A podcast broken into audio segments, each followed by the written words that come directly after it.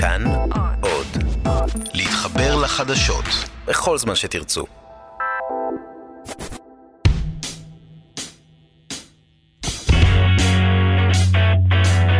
פוליטיקן, הסכת הבחירות של כאן חדשות.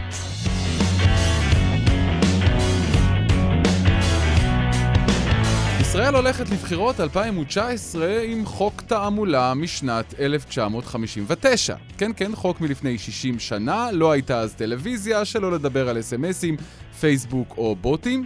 סעיף 3 בחוק קובע למשל שלא תהיה תעמולת בחירות באמצעות השימוש בכלי טיס או בכלי שיט. סעיף 8 אוסר בין היתר על נשיאת לפידים. אז אם חס וחלילה מועמד לכנסת יעלה על סירה עם לפידים, תוגש תלונה לוועדת הבחירות המרכזית, שאחראית בין היתר גם לטיפול בהפרות על חוק התעמולה, כמו גם על כל עניין אחר שקשור להליך הבחירות.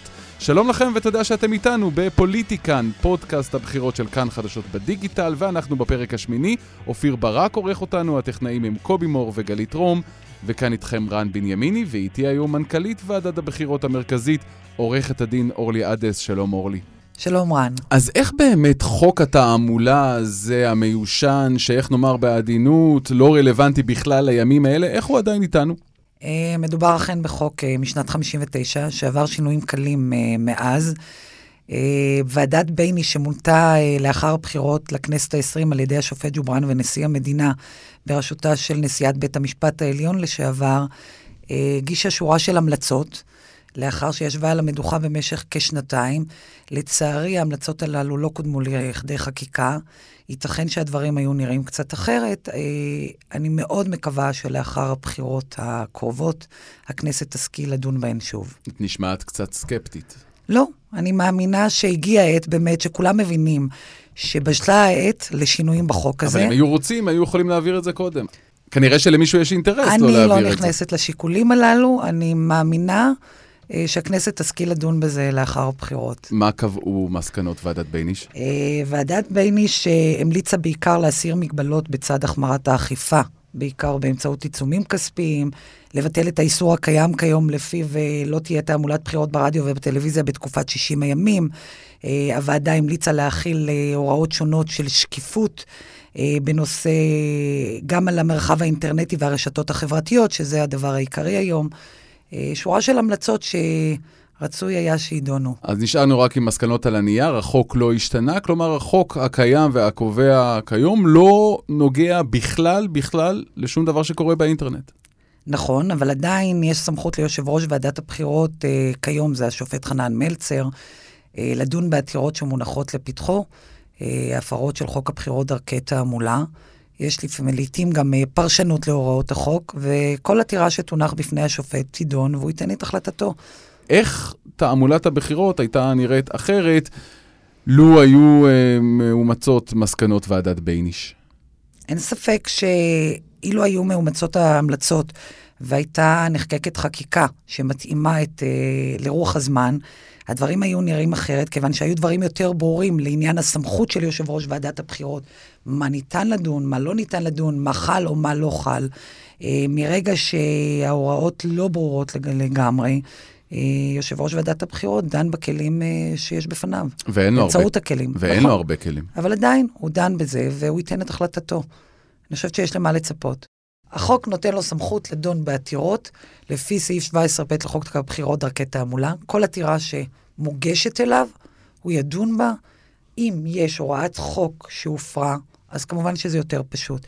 אם אין הוראה ספציפית, אז יש עניין של פרשנות וכולי. ושוב, זה נתון להחלטתו של יושב ראש הוועדה. אבל בימים האלה, כשמוגשת לו תלונה על הפרת חוק תעמולה לגבי פרסומים באינטרנט, הוא למעשה לא יכול לעשות כלום. אין מרחב של uh, כלים להשתמש בהם בהקשר הזה. כלומר, המרחב האינטרנטי בכל הנוגע לתעמולת בחירות הוא די פרוץ. ניתן לומר שבמידה מסוימת כן. האם עד עכשיו זיהיתם התערבות זרה בהליך הבחירות? אה, אני יכולה רק לציין uh, בהקשר הזה שוועדת הבחירות uh, פועלת במישור הזה מזה כשנה וחצי, שנתיים. Uh, בעקבות האירועים שאירעו במדינות שונות בעולם, בעקבות, בעיקר בארצות הברית. Uh, גם אנחנו למדנו את הנושא, ויחד עם כל uh, גורמי הביטחון הרלוונטיים לעניין, אנחנו משתפים פעולה. אה, ונערכים גם בהקשרים הללו, ומטבע הדברים לא ניתן להרחיב עליהם. לגבי יום הבחירות עצמו, אמנם הבחירות בישראל הן ידניות, ומצביעים בפתקים וכולי, אבל התוצאות מוזנות למחשבים בוועדת הבחירות. האם אתם יכולים לומר ב-100% שהמערכות האלה בטוחות? אנחנו עשינו את כל מה שניתן כדי להגן על המערכות הללו. ההצבעה היא ידנית והנתונים מוזנים, יש לנו גם תהליכי בקרה שאני לא ארחיב אליהם, אבל ישנם בהחלט תהליכי בקרה על הזנת הנתונים הללו. בנוסף, יש הליכי בקרה גם בדיעבד, לאחר יום הבחירות, אה, שבהם אנחנו שולפים נתונים ובודקים אותם, אה, כדי להבטיח שאכן אה, קולו של הבוחר בישראל יבוא לידי ביטוי בדיוק כפי שהוא התכוון לו. אין כוונה אולי לשנות את הליך הבחירה, לעשות את ההצבעה אלקטרונית? אה, מסתבר שאנחנו לא המדינה היחידה כנראה בעולם שמתחבטת בסוגיה הזו. אה, רוב מדינות העולם, הבחירות לא ממוחשבות. אם uh, מסתכלים על תהליכי בחירות בעולם, ברוב המדינות המערביות המתקדמות, אירופאיות בעיקר, כמו אנגליה, גרמניה, צרפת, איטליה, ספרד, הבחירות הן לא ממוחשבות, הן בדיוק כמו אצלנו, בפתק. וכנראה, אה, מכיוון שכולם מתחבטים באותם דברים, באותן שאלות, אני יכולה לספר לך שבאירלנד אה, נעשה פיילוט לפני מספר שנים, שבו הושקעו 42 מיליאר, אה, מיליון יורו, אה, שבעקבות הפיילוט הזה המסקנה הייתה שלא נכון ללכת להליך הצבעה ממוחשב, והכל ירד לטמיון. היו מדינות נוספות שיעשו פיילוטים שונים. אני לא אומרת שבבוא היום זה לא יהיה. מתישהו זה, זה יקרה, אבל לא כרגע. אה, עולות סוגיות שונות של אבטחת מידע, סוגיות של תקשורת, של אה, אה, סוגיות לוגיסטיות שונות, כך שכל עוד לא יינתן מענה לכל השאלות הללו, לא ניתן יהיה לעשות בחירות ממוחשבות, כי תמיד צריך לזכור שהליך הבחירות זה תהליך, זה one shoot. אין כאן לא חזרה גנרלית, אין כאן מועד ב', אין דחיית מועדים, יש יום בחירות אחד והוא חייב לעבור על הצד הטוב ביותר. ואיך מוודאים שזה יהיה על הצד הטוב ביותר? שוב, הדרך שבה אנחנו מוודאים ונר... היא ההיערכות, היא ההיערכות המוקדמת, היא בחינת כל התהליכים, היא ניסיון לזהות חורים אם קיימים בתהליכים כאלה ואחרים. אה, ולסגור אותם ולוודא שהכל נעשה במקצועיות. זיהיתם ו... חורים כאלה? לא, כרגע לא. זה נשמע יותר, יותר טוב מכדי להיות אמיתי, כלומר, המצב למה? האידיאלי הזה. צריך... Uh, כי אנחנו יודעים מה קרה בארצות הברית, רואים נכון. מה קורה עם התערבויות של uh, רוסיה בבחירות בארצות הברית, אז לחשוב שאצלנו אנחנו נהיה נקיים מזה ובינתיים לא זיהינו שום דבר, זה קצת אוטופי. הכל מדובר בשאלה של היערכות. אנחנו מבחינתנו, יחד עם כל הגורמים הרלוונטיים, עושים את כל הניתן כדי להיערך כראוי. לומר פה שניתן לזהות את הכל, לא. כי זה סוג של עולם שרב הנסתר בו על הגלוי. זה לא באמת משהו שאפשר יהיה לחשוב על כל תרחיש אפשרי, או למפות כל תרחיש אפשרי ולהיערך לכל תרחיש אפשרי. אפשר לעשות uh, מאזן של שיקולים. uh, ולהיערך בהתאם. מי אחראי על אבטחת המחשוב ועל הגנה מסייבר? יש מספר גורמי ביטחון במדינת ישראל, לכל אחד יש את הסמכויות שלו. אה, יש את מערך הסייבר הלאומי, שאיתו אנחנו משתפים פעולה, אנחנו לא גוף מונחה, אבל אנחנו משתפים אה, שיתוף פעולה מאוד מאוד הדוק עם מערך הסייבר, אה, ומבוצעת עבודה יוצאת מן הכלל איתם, וגופי הביטחון האחרים, כל אחד בחלקו נוטל חלק. עשיתם, אפשר לומר, חזרות או הדמיות של תקיפת סייבר על המחשבים שלכם? אני מאוד מבינה את הצורך והרצון לקבל תשובות מפורטות בהקשרים הללו. אבל uh, מטבע הדברים, על מנת שהמהלכים שנקטנו בהם בשנתיים האחרונות יישאו פרי ויוכיחו את עצמם, רצוי שלא נפרט אותם. אני אקבל את זה ככן, ככן היו הדמיות, השאלה אם את לא, מודאגת. זה לא כן ולא לא, זה לא כן ולא לא. את מודאגת אבל? מודאגת לא. אני כן עם יד על הדופק, וללא קשר לעולם הזה, הפרפרים בבטן מסתובבים לקראת בחירות. כי מה? כי מכל דבר. כל דבר קטן, אה, כי הרצון שלנו כגוף, כגוף שמנהל ומבצע את הבחירות, זה שהתהליך הזה יתבצע על הצד הטוב ביותר. מה תרחיש הבלהות שלך? אתה לא רוצה באמת לדעת, ואני לא רוצה באמת לחשוב עליו. בכל זאת, תיאורטית, מה, מה, מה מפחיד, אני, מה מדיר שינה מעינייך? אני לא, אני באמת באמת uh, משתדלת להסתכל על זה, על הצד הטוב ביותר, שכל ההיערכות המוקדמת uh, תמיד מוכיחה את עצמה והוכיחה את עצמה עד היום. ואני מאמינה שגם הפעם, גם אם יש הקשרים אחרים, אה, אנחנו עדיין אה, נעמוד במשימה אה, נוכיח פעם נוספת שוועדת הבחירות היא גוף מאוד מאוד מקצועי, אה, שמבצע את התפקיד שלו על הצד הטוב ביותר. ויש עוד חשש לגבי גנבת אה, מידע פנימי מתוך המפלגות עצמן. את, אתם בקשר גם עם מומחי האבטחה במפלגות השונות? מי שעשה במידת האפשר פעילות היה מערך הסייבר גם בקרב המפלגות, אבל הכל תלוי בשיתוף הפעולה שלהם גם. ואני מניחה שכל אחת מהן נערכת באופן עצמאי לנושא הזה. ולגבי מניפולציות על דעת הקהל, פייק ניוז, חשבונות מזויפים, בוטים, איך אתם ערוכים לזה? בהקשר הזה אנחנו חושבים שהציבור הישראלי הוא ציבור אה, מאוד נבון, מאוד מעורב פוליטית, שיש לו את היכולת להבחין בין... אה, חדשות נכונות לבין חדשות פחות נכונות. נכון שלעיתים לא אה, היד קלה, נכון, ולעיתים היד מאוד קלה על המקלדת בשיתוף שאנחנו עושים אה, לפוסטים כאלה ואחרים שאנחנו רואים ברשתות החברתיות, ולכן כחלק מהפעילות שלנו בנושא הזה, החלטנו לקדם בוועדת הבחירות אה, קמפיין להעלאת, להעלאת המודעות בקרב הציבור אה, לנושא של פייק אה, ניוז, חדשות כזב. אה, לתת לו קצת כלים, שים לב, לתת לציבור את הכלי הזה. אז תשים לב מה יכול להיות אה, מידע חדשותי. איך, איך אתם מתכוונים להדריך את הציבור? אנחנו אה, כרגע בשלבים של אה, גיבוש קמפיין, יחד עם לשכת הפרסום הממשלתית, וזה יופיע ב, גם ברשתות החברתיות, גם ב, בכל הדיגיטל, בטלוויזיה, ברדיו, אה, זה כרגע בשלבי גיבוש. מה שעומד בפנינו זה האפשרות אה, לתת לציבור את הכלים. אה, לנסות ולזהות אה, חדשות כאלה.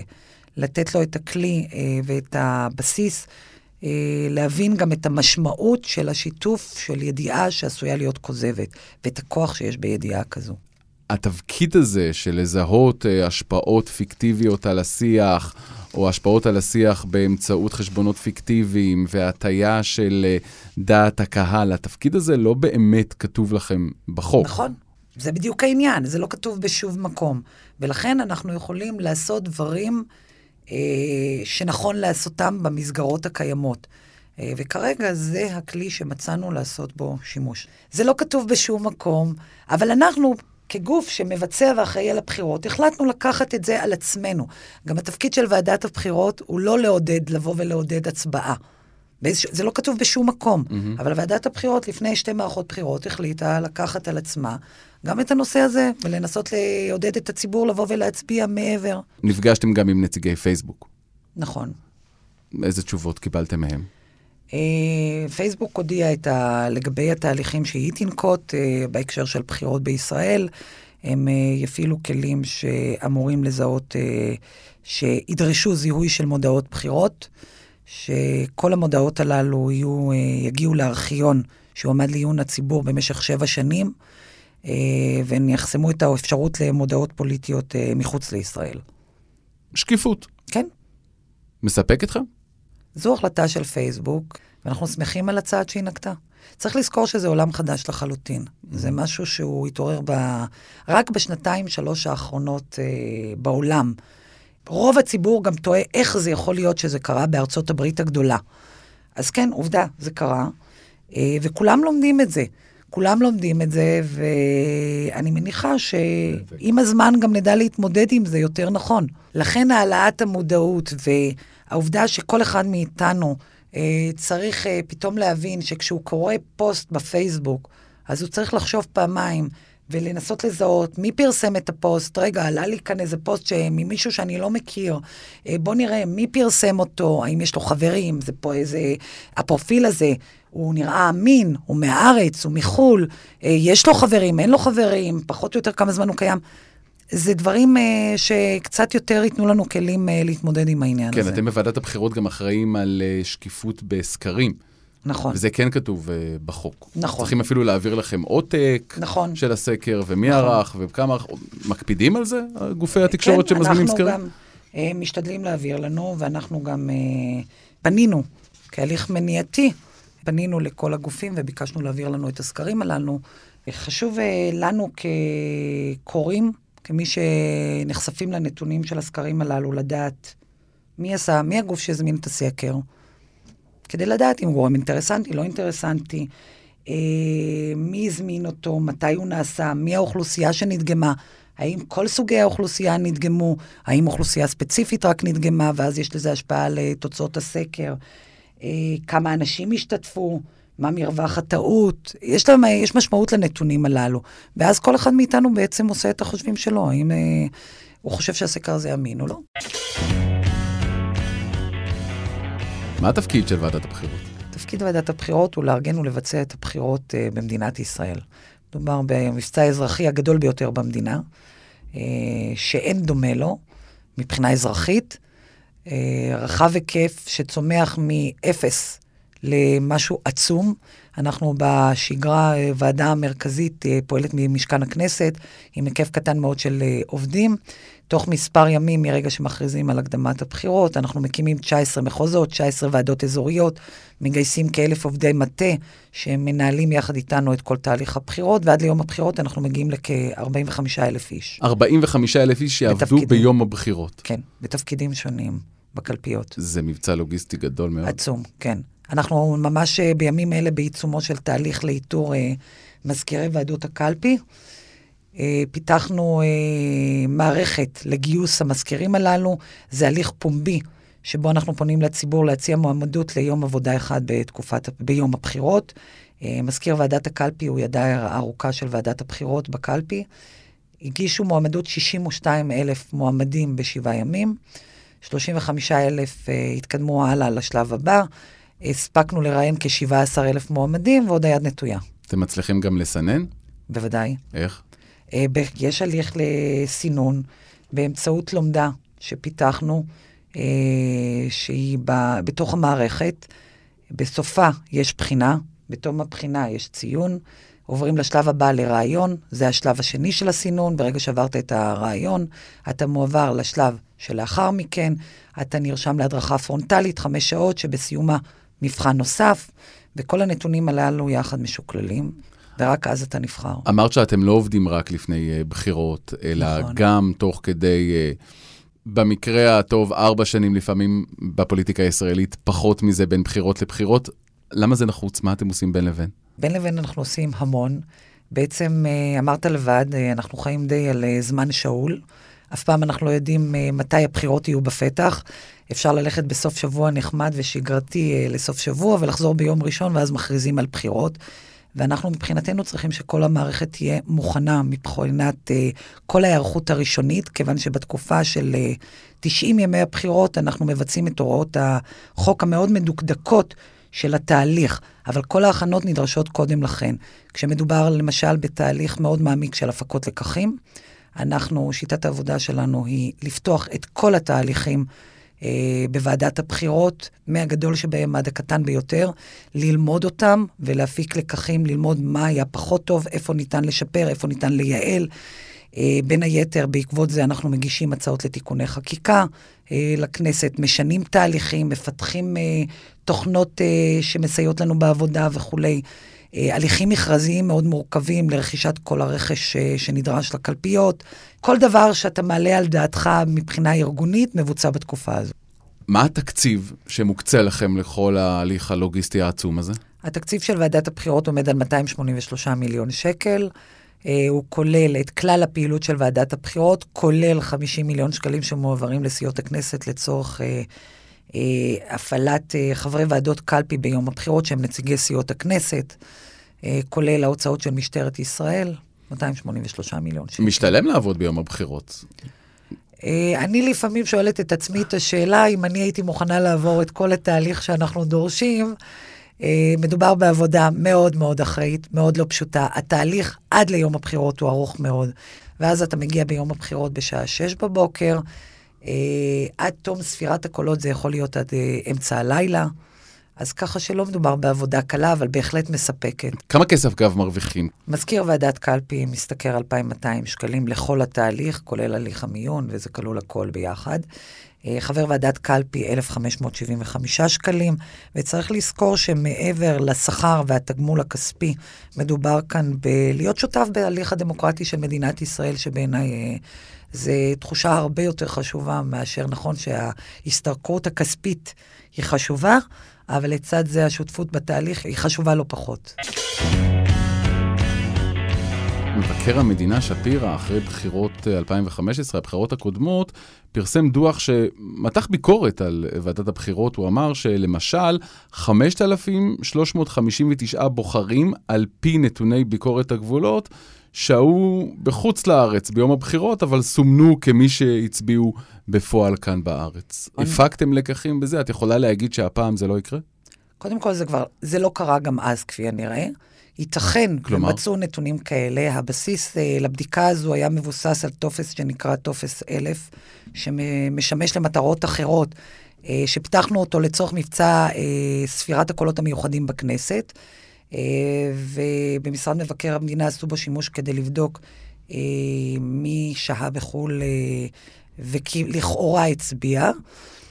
מבדיקות שאנחנו ערכנו, לא תמיד יש תאימות בין נתוני מרשם היוצאים לחו"ל לבין העדכון במערכת. המערכת מעודכנת mm-hmm. בהתאם לנתונים האמיתיים, בזמן אמת, זה פעם אחת. זה אפילו נאמר בוועדה של הכנסת, שבה ביקשנו לתקן את החוק בהקשר הזה, ונציגה של משרד הפנים אמרה שלא תמיד המערכת מעודכנת בזמן אמת. הדבר השני הוא שיש אזרחים שמשתמשים בדרכון זר. הם יכולים לצאת בדרכון ישראלי, לחזור בדרכון זר, או ההפך, ואז הנתון בעצם הוא לא מדויק. ככל הידוע לנו, לא מדובר בתופעה. אנחנו גם העברנו לחקירת משטרת ישראל את הנתונים הללו. לא נמצאו מקרים שלימדו על אה, בעיה בהקשר הזה. אם קיימים מקרים כאלה, הם בודדים, לא מדובר בתופעה, לא מדובר בהיקף רחב, לא מדובר בחמשת אלפים איש, כי אילו היינו בודקים אותם אחד-אחד, אני מניחה שניתן היה להפריך את רוב הנתונים. אה, ומאחר ומדובר במקרים בודדים, אין ספק שאין בהם כדי להשפיע על תוצאות הבחירות גם. ספרי לנו על עצמך, כמה שנים את מנכ"לית ועדת הבחירות? אני מנכ"לית הוועדה משנת 2010, אני בוועדת הבחירות משנת 88, 31 שנים בסדרה של תפקידים. צמחתי מלמטה. ספרת כמה מערכות בחירות? זו תהיה 11, שלישית כמנכ"לית, 11 בכלל. מה שונה ה-2019 לעומת ראשית שנות ה-80? אין ספק שזה עולם אה, שונה לחלוטין, לגמרי. זה אתגרים אה, אחרים. המערכת הזו אפילו כבר אה, לא לעומת שנות ה-80, לעומת שנת 2015 היא שונה. יש בה אתגרים שלא הכרנו, שלא היו קיימים אה, בעבר, אה, ואנחנו לומדים אותם ומנסים להתמודד איתם גם. את תמצאי זמן להצביע ביום הבחירות? כן, אני תמיד מוצאת בשעה רבע לעשר בלילה. איפה? אני מצביעה ליד הבית. איפה? בירושלים, אני גרה בירושלים, אז אני מצביעה כאן. למרות שזה היום אולי הכי עמוס שלך בכל. החודשים האלה את מוצאת את הזמן הזה. בוודאי, אני לא מוכנה לוותר על הזכות הזו. אני חושבת שזו בהחלט זכות שהיא לא מובנת מאליה. אה, רק כאן, בסביבה הקרובה שלנו, אנחנו הדמוקרטיה היחידה. אה, זו לא זכות מובנת באליה בכל מקום בעולם, ולכן חשוב לכל אחד מאיתנו לבוא ולעשות את הבחירה שלנו אה, באנשים שמייצגים אותנו כאן וקובעים את עתידנו בכלל התחומים. את נמצאת במטה עצמו, במרכז העצבים, לא יכולת לסדר איזה קלפי שתבוא אלייך במקום שאת תבואי אליה? יש אפשרות, אה, לפי חוק הבחירות, יש תיקון שמאפשר ל... גם לכל מי שעובדים בתהליך הבחירות להצביע בקלפיות מיוחדות, היה ויושב ראש ועדת הבחירות יחליט להקים קלפי כזו. עדיין לא החלטנו על הקמת קלפי בוועדה המרכזית, אני לא בטוחה שנעשה את זה. חושבת כבר על עשרה באפריל? אה, כן. אבל עדיין זה לא יהיה הסוף. זה כן. אנחנו יהיה, נהיה בעיצומו של התהליך בעשרה באפריל. עדיין נהיה בתהליך ספירת הקולות המיוחדים כאן בכנסת. סופרים למעלה מ... צפויים להגיע למעלה מ-250 אלף קולות במעטפות כפולות. אה, שכוללות את המצביעים בחו"ל, את האסירים, עצירים, חולים בבתי חולים, צוות, צוותים רפואיים, מוגבלים בניידות, חיילים. אה, כל אלה עדיין ייספרו כאן בכנסת, כך שמבחינתנו עוד היד נטויה אחרי התשעה באפריל. מתי הכל מסתיים? הבחירות מתקיימות ביום שלישי. אה, אנחנו צופים שביום חמישי בבוקר כבר נהיה בסוף התהליך. כלומר, נדע את התוצאות הסופיות, ואז תוכלי לנשום כן, לרווחה. כן, אבל לא הרשמיות, כיוון שהרשמיות אחרי הבקרות השונות יהיו שמונה ימים לאחר הבחירות, אבל אנחנו די ננשום לרווחה ביום חמישי, כן. אני כבר מחכה.